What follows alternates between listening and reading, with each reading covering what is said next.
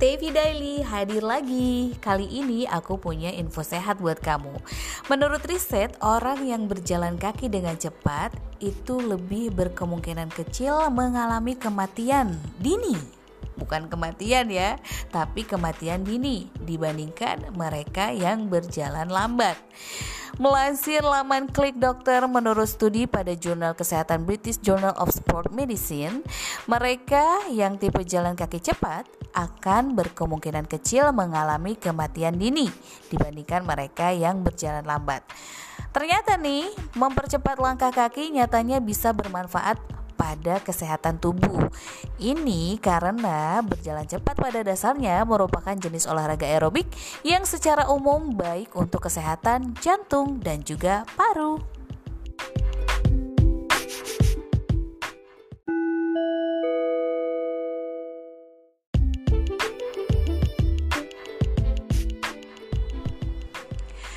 Kalau kamu sekarang lagi jomblo, hati-hati loh, karena info sehat berikut ini bisa bikin kamu menyadari bahwa ternyata kelamaan menjomblo berakibat kurang baik untuk kesehatan.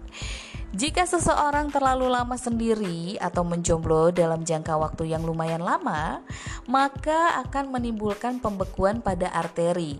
Hal tersebut dapat menyebabkan tekanan darah menjadi naik.